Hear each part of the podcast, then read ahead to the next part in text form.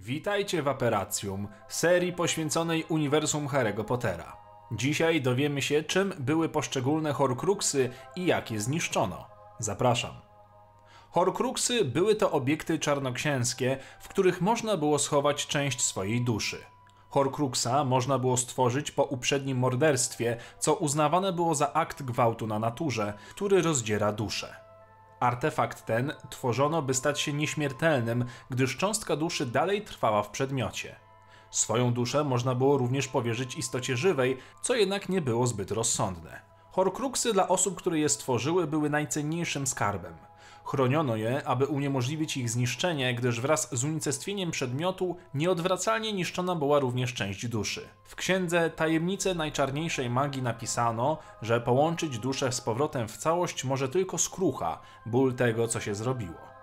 Fizyczna siła czy użycie najprostszych zaklęć nie niszczy przedmiotu, gdyż czarodziej, który tworzy Horcruxa, używa na nim tak potężnych zaklęć, iż tylko sposoby, które dorównują swoją mocą tym zaklęciom, mogą zniszczyć Horcruxa.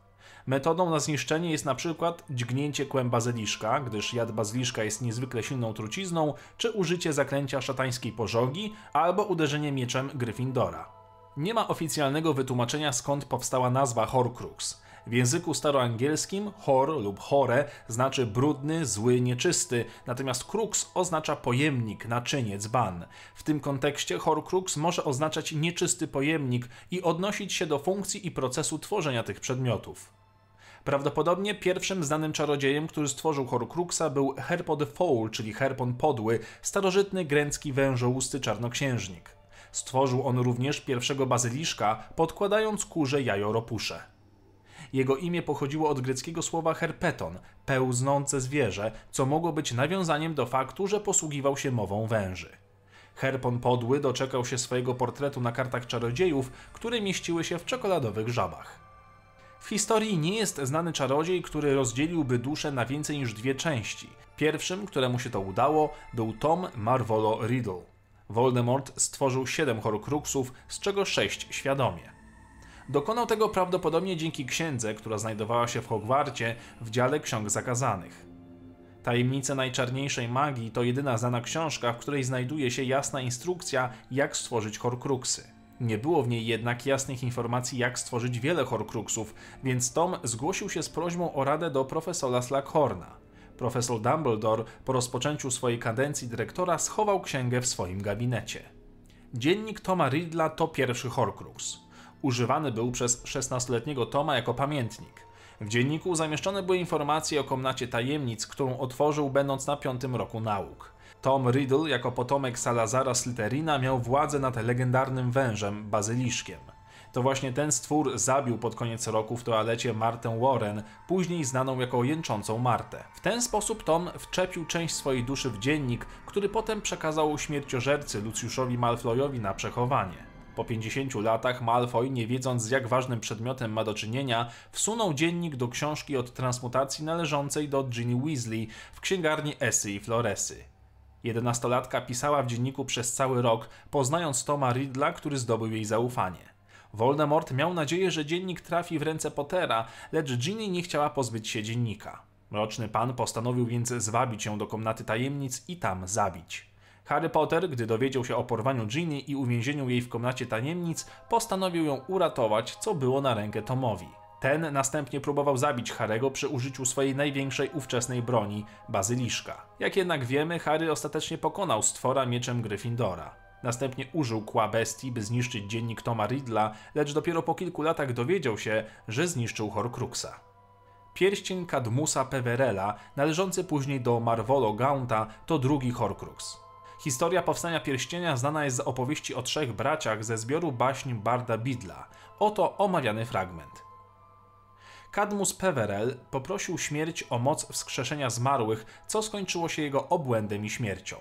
Kamień o tak wielkiej mocy został następnie umieszczony w pierścieniu, ten zaś stał się potem Horcruxem. Tom ukradł go swojemu wujowi Morfinowi Gantowi, a następnie zabił ojca i dziadków i ukrył w nim cząstkę swojej duszy. Ukrył go w domu swoich przodków, ochraniając go najpotężniejszymi zaklęciami. Pierścień po latach odnalazł Dumbledore. W 96 nałożył go na palec, gdyż rozpoznał w nim kamień wskrzeszenia i miał nadzieję, że ów pierścień pomoże mu przywrócić siostrę i rodziców z zagrobu. Zaangażowany myślami i nadzieją o możliwości ożywienia rodziny, zapomniał jednak, że wciąż jest to Horcrux, a noszenie go jest bardzo niebezpieczne.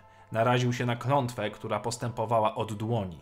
Pozbawiła go sił na tyle, że został mu rok życia. Zdołał jednak zniszczyć pierścień za pomocą miecza Godryka Gryffindora, który był zamoczony w jadzie bazyliszka. Pierścień był jedynym Horcruxem, który jednocześnie był insygnią śmierci. Medalion Salazara Slytherina to trzeci Horcrux. Medalion stworzony był przez jednego z czterech założycieli Hogwartu. Salazar był wężousty, dlatego zaczarował swój medalion w ten sposób, aby otwierał się tylko na rozkaz w mowie węży. Medalion, podobnie jak pierścień, przekazywany był z pokolenia na pokolenie w rodzinie Gauntów. Finalnie wylądował u Meropy Gaunt, matki Voldemorta, która była spokrewniona z Salazarem w linii prostej od tysiąca lat. Meropa, zostając sama w ciąży, bez pieniędzy, postanowiła sprzedać medalion u Borgina i Burkesa, dostając za niego jedynie 10 galeonów, mimo niepodważalnie wysokiej wartości medalionu. Następną właścicielką została Chefsiba Smith. Tom Riddle oczarował kobietę, by ta pokazała mu swoje najcenniejsze przedmioty. Była nim czarka Helgi Hufflepuff i owy medalion. Dwa dni później kobieta została znaleziona martwą, o co oskarżono jej skrzatkę bójtkę. Medalion stał się Horcruxem. Voldemort go zabezpieczył odpowiednimi zaklęciami i ukrył w jaskini. Następnie przedmiot został wykradziony przez Regulusa Arcturusa Blacka, brata Syriusza.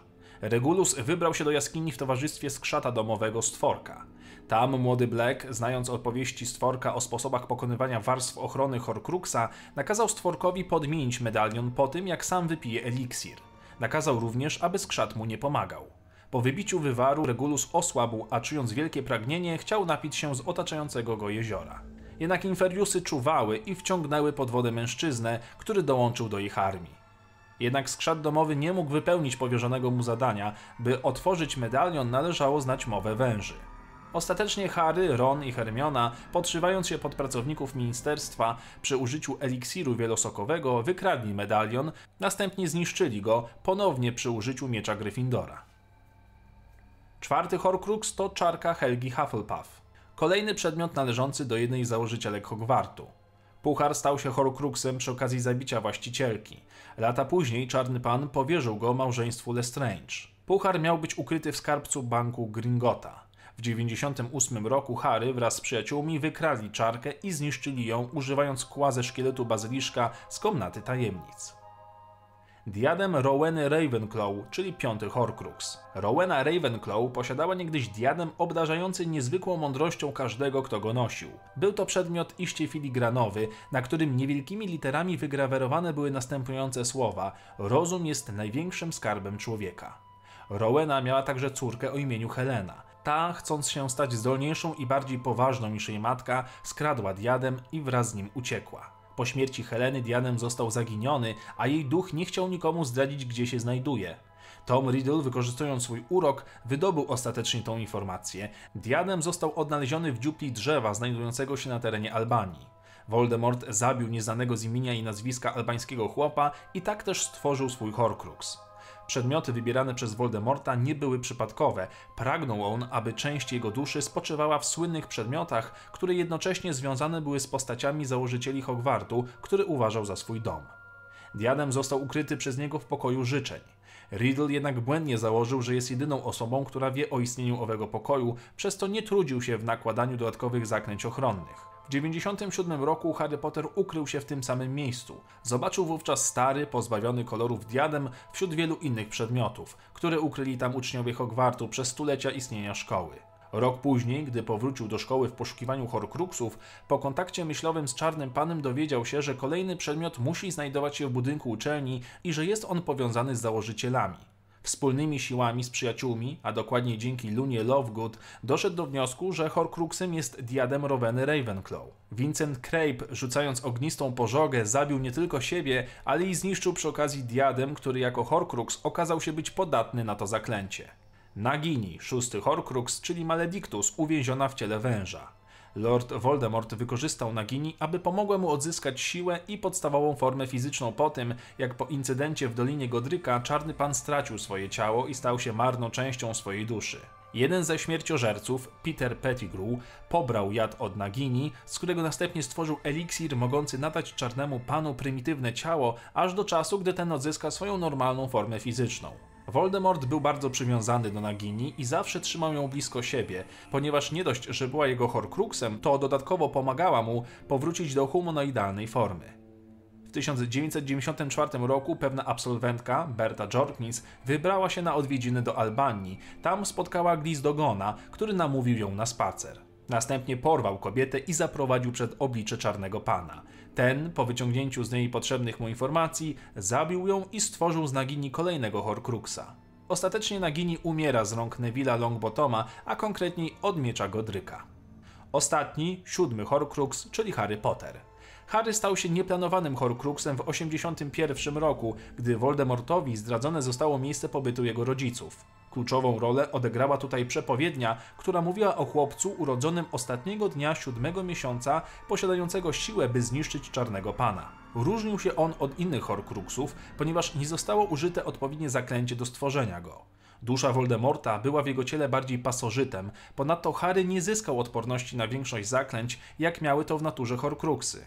Harry, dzięki posiadaniu w sobie cząstki duszy Voldemorta, potrafił posługiwać się mową węży, przez co w szkole uważany był za potomka Salazara Slytherina. Jak wiemy, po śmierci Voldemorta, Harry przestał całkowicie rozumieć ten język i stał się on dla niego niezrozumiałym syczeniem. Uśmiercenie Horcruxa miało miejsce w 1998 roku w zakazanym lesie, gdzie Harry wybrał się na ostateczną potyczkę z Czarnym Panem. Ten próbował zabić Harego zaklęciem Avada Kedavra. Zaklęcie ugodziło Harego, ale spowodowało też, że Voldemorta odrzuciło w tył. Obaj stracili przytomność, Harry jednak nie umarł, co powinno zdarzyć się w wyniku śmiertelnej klątwy. Trafił natomiast do Limbo, czyli miejsca na granicy życia i śmierci. Tam odbył rozmowę z Dumbledorem i dowiedział się, że Czarny Pan zniszczył właśnie swojego Horcruxa. To tyle na dzisiaj. Dziękuję Wam za oglądanie. Zostawcie proszę komentarz, o czym chcielibyście kolejny odcinek z tej serii. Jeżeli odcinki o Harrym Potterze i jego magicznym uniwersum są czymś, co Was interesuje, to niebawem powstanie oddzielny kanał Aperacjum, na który Was serdecznie zapraszam.